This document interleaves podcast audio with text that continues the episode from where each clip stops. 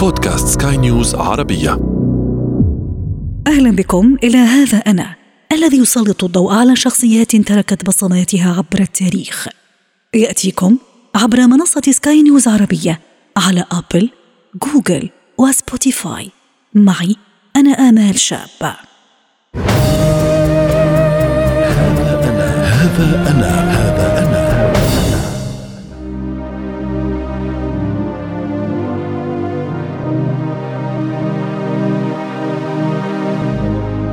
ضاحية موس سايد مانشستر شمال غرب إنجلترا. شهر يوليو من عام 1858 في يومه الخامس عشر. روبرت جولدن الذي ينتمي إلى عائلة تجار متواضعة ذات علاقة بالنشاط السياسي يرزق بإيميلين إنها كبرى بناته البالغ عددهن خمسا يضاف إليهن خمسة أطفال آخرين من الذكور. تكبر إيميلين وسط أسرة حرصت على إشراك أطفالها في الأنشطة الاجتماعية My fish never bit me. I really liked my fish. الطفلة الصغيرة إيميلين تقرأ كل ما تقع عينها عليه إنها تقرأ كتاب الثورة الفرنسية للكاتب الإسكتلندي توماس كارليل وهو الذي سيظل مصدر إلهام لها طوال حياتها هي الآن في الرابعة عشرة من عمرها لقد عادت للتو من المدرسة لتجد أمها تستعد للذهاب إلى تجمع أقامته الصحفية ليديا بيكر حول حق المرأة في التصويت وهي الصحفية التي دأبت والدتها صوفيا على قراءة مقالاتها التي تدعو إلى هذا المطلب. تصر الفتاة إيميلين على مرافقة والدتها. لقد أسرها خطاب ليديا بيكر لدرجة أنها غادرت المكان وهي مناصرة مخلصة لحق المرأة في الاقتراع. تكتب إيميلين في مذكراتها لاحقاً I invite you two to please kneel. For the rest of you, be seated.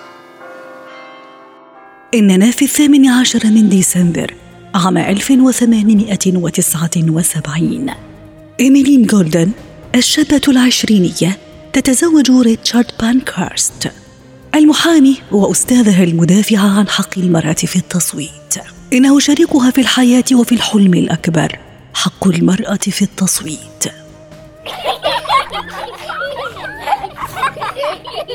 في منزلها الذي يضج بضحكات وصراخ أطفالها الخمسة تستقبل إيميلين وزوجها ريتشارد على مدى السنوات المقبلة عددا من النشطاء السياسيين والاجتماعيين.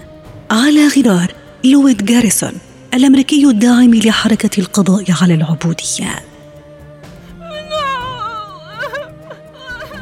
إننا في عام 1898 إيميلين تفجع بوفاة والد أطفالها وشريكها في الحياة. صحيح أن فواجع الفقد والفراق قاسية لكن إيميلين تجاوزتها بقوة وثبات. لقد انضمت لحركة حقوق المرأة وقامت بتشكيل حركة سمتها Women's Franchise بحلول عام 1903 أسست إيميلين الاتحاد الاجتماعي والسياسي النسائي. إيميلين تقود مجموعة من النساء اللاتي تظاهرن من أجل المطالبة بحقهن في التصويت. لقد قوبلت المظاهرات بقمع شديد من السلطات وازدراء من قبل شريحة واسعة من المجتمع. عام 1912 إيميلين المدافعة الشرسة عن حق المرأة في التصويت وراء قضبان السجن لقد اتهمت بإثارة الفوضى والشغب.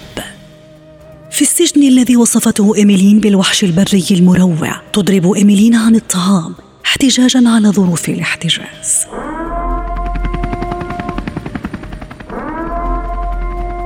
إننا في عام 1914 لقد اندلعت الحرب العالمية الأولى.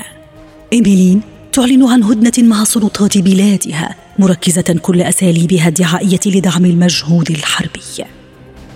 عام 1918 وضعت الحرب العالمية أوزارها ووضعت البلدان المتحاربة سلاحها.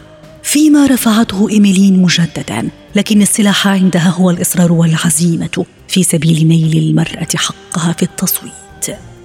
لقد نالت النساء فوق سن الثلاثين الحق في التصويت. معركة إيميلين التي انضمت لحزب المحافظين مستمرة.